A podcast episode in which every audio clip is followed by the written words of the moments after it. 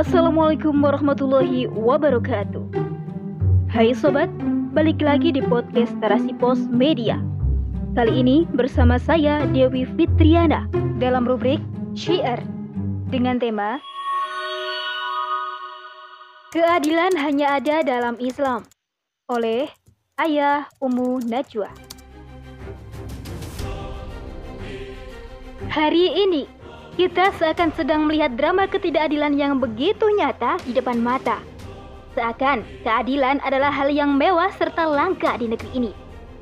Para pembuat keputusan seakan buta mata dan nurani ketika berhadapan dengan kasus rakyat jelata.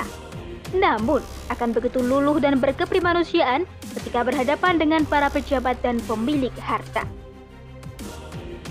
Ketiga, seorang ulama didakwa melakukan kerumunan, ia difonis tak manusiawi. Namun di lain pihak, banyak pejabat negara melakukan dan mengadakan hal yang sama. Namun mereka aman sentosa. Begitupun kasus yang menjerat penegak hukum perempuan. Begitu mudahnya ia mendapatkan potongan penahanan. Padahal ia telah melakukan kejahatan besar dengan menerima suap dari koruptor kakap. Begitu timpang jika dibandingkan dengan para ibu yang melakukan kesalahan hanya karena dituduh merusak sebuah pabrik, yang bahkan mereka langsung ditahan padahal mereka sama-sama mempunyai balita. Bahkan, kasus narkoba yang baru-baru ini kembali meresahkan karena tersangka adalah para pemilik uang. Maka, rakyat pun seakan sudah bisa membaca dengan mudah ke mana arah putusannya. Tentu, ini akan berbanding terbalik jika ada seorang jelata yang melakukan hal yang sama. Inilah fakta yang terjadi sekarang ini. Pada kasus yang sama, bisa berbeda vonis dan keputusannya, hanya karena terdakwa antara yang disenangi atau dibenci, yang punya uang atau hanya rakyat bawahan, atau mungkin karena para hakim mudah untuk dipesan. Begitulah sejatinya pengadilan dunia di negeri ini. Buah pengadilan palsu nan semu ia hanya sebuah alat yang sering digunakan untuk menghukum rakyat kecil atau musuh politik. Sedang bagi para pejabat yang korupsi, ia seakan kehilangan fungsinya. Padahal, kadang begitu jelas para koruptor yang telah melakukan penggelapan dana miliaran bahkan triliunan. Inilah pengadilan dunia. Ia laksana pisau yang tajam ke bawah namun begitu bebal dan tumpul ke atas. Keadaan para penegak hukum dalam sistem kapitalisme yang diterapkan di negeri ini pun bermental rendah. Mereka mudah disuap dan mudah takluk para rayuan kenikmatan dunia. Mereka mudah dibeli dengan harga yang murah. Sungguh, tidak ada rasa takut kepada Allah dalam diri mereka. Berasa jumawa dunia dalam genggaman, lupa bahwa kelak mereka akan merasakan hukuman pada pengadilan Allah yang sebenarnya. Sistem rusak ini membuat manusia seakan merasa hebat jika telah berkuasa. Ia akan lupa bahwa setiap jabatan dan kedudukan akan dimintai pertanggungjawaban, termasuk seorang hakim. Ia dipercaya memutuskan urusan manusia, kemudian ia melakukan kezoliman, maka sungguh telah mengundang murka Allah dan kelak ia akan dituntut atas hal tersebut. Apalagi jika yang didolimi mengadukan kezolimannya kepada Allah Subhanahu wa taala. Sungguh, doa orang-orang yang terzalimi tak ada penghalang dirinya dengan Allah.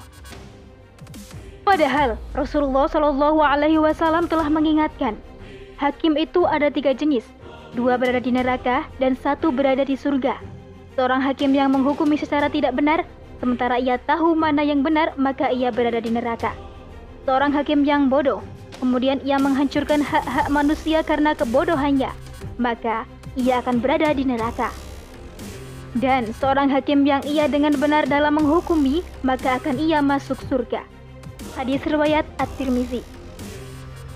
Dalam hadis lain pun beliau Shallallahu Alaihi Wasallam juga bersabda, dari Abu Said Al Khudri, Rasulullah Shallallahu Alaihi Wasallam bersabda, sesungguhnya manusia yang paling dicintai oleh Allah pada hari kiamat serta yang paling dekat di sisi Allah adalah seorang pemimpin yang adil.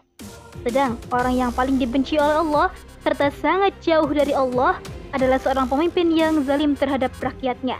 Hadis riwayat At-Tirmizi. Hadis ini telah menekankan bahwa syarat adil dalam diri seorang pemimpin begitu utama. Tanpa menjunjung tinggi nilai-nilai keadilan oleh seorang pemimpin, maka kepemimpinan selamanya tidak akan berhasil mengangkat kesejahteraan bagi rakyatnya.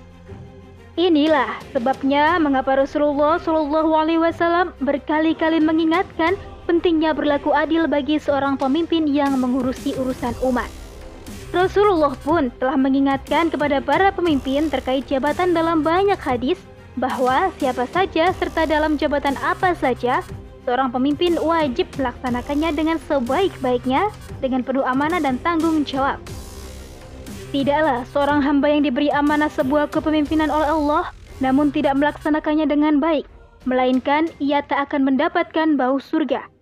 Dan dalam hadis yang lain beliau pun mengingatkan, tidaklah seorang pemimpin yang memimpin umat muslim kemudian dia mati dalam keadaan menipu rakyatnya, melainkan Allah mengharamkan surga untuknya. Hadis riwayat Al-Bukhari. Islam dengan sistemnya yang paripurna telah terbukti selama kurang lebih 14 abad menjadi mercusuar tertinggi peradaban manusia. Segala keberhasilan dan kejayaan ada dalam naungan Islam. Salah satu puncak kejayaan Islam dengan negara khilafahnya adalah sistem peradilannya, kejayaannya dan keberhasilan khilafah dalam menghadirkan keadilan yang nyata telah terbentang sejak zaman Rasulullah Shallallahu Alaihi Wasallam hingga kekhalifahan Utsman. Kegebilangan tersebut tidak lain karena hukum yang diterapkan adalah hukum terbaik yang datang dari pencipta alam semesta, yaitu Allah Subhanahu wa taala. Apakah hukum jahiliyah yang mereka inginkan? Hukum siapakah yang lebih baik daripada hukum Allah bagi orang-orang yang yakin? Quran Surat Al-Ma'idah ayat 50 Dari sini sudah sangat jelas sekali bahwa keadilan adalah sifat yang melekat erat pada Islam. Keadilan adalah bagian dari Islam itu sendiri, dan tidak ada sistem yang menegakkan keadilan layaknya Islam menegakkannya. Karenanya, Islam adalah sistem kehidupan yang berasal dari Rob yang Maha Adil.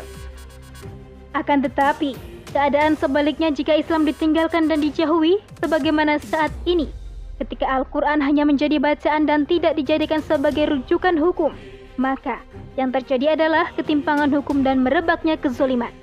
Sedang ancaman bagi manusia yang tidak mau menerapkan hukum Allah adalah sangat berat.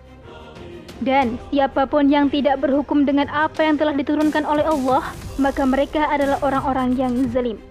Quran Surat Al-Ma'idah ayat 45 Sungguh, Islam dan keadilan adalah kesatuan yang tak terpisahkan. Sejarah pun telah membuktikan penerapan hukum Islam dengan keadilannya yang berlaku di tengah-tengah umat manusia. Antara lain adalah kisah khalifah keempat yaitu Ali bin Abi Thalib radhiyallahu anhu yang bertikai dengan seorang Yahudi sebab sebuah baju besi. Dikisahkan bahwa baju besi sang khalifah telah hilang pada peristiwa perang Jamal beliau ternyata mendapati baju besinya berada di tangan seorang Yahudi. Ketika mereka membawa kasus tersebut kepada Hakim Suraih, Khalifah hanya dapat mengajukan dua saksi, yaitu bekas budaknya dan putranya Al-Hasan. Yang akhirnya hanya kesaksian sang bekas budak yang diterima oleh hakim, sedang kesaksian Hasan ditolak. Sehingga Hakim Suraih pun memenangkan si Yahudi atas Khalifah Ali dan dia berhak membawa pulang baju besi tersebut. Namun, si Yahudi malah menolak dan mengakui bahwa baju tersebut adalah milik sang khalifah. Bahkan, langsung menyatakan keislamannya dengan mengucapkan dua kalimat syahadat saat itu juga. Namun, agungnya keadilan dan ketegasan penegak hukum yang adil tersebut hanya dapat ditemukan jika Islam diterapkan untuk mengatur negara. Jika negeri masih meneruskan kesalahan dengan menerapkan hukum manusia, maka keadilan hanya akan menjadi khayalan tanpa kenyataan. Maka itu adalah sebuah kewajiban bagi setiap kaum muslim untuk bersatu memperjuangkan agar Islam kembali diterapkan. Tidak hanya dalam ranah individu semata, namun juga secara komunal dan universal. Dan negara hebat yang akan menerapkan kehebatan Islam itu tidak lain hanyalah Khilafah Rosidah Alamin Haji Nubuah. Wallahu alam.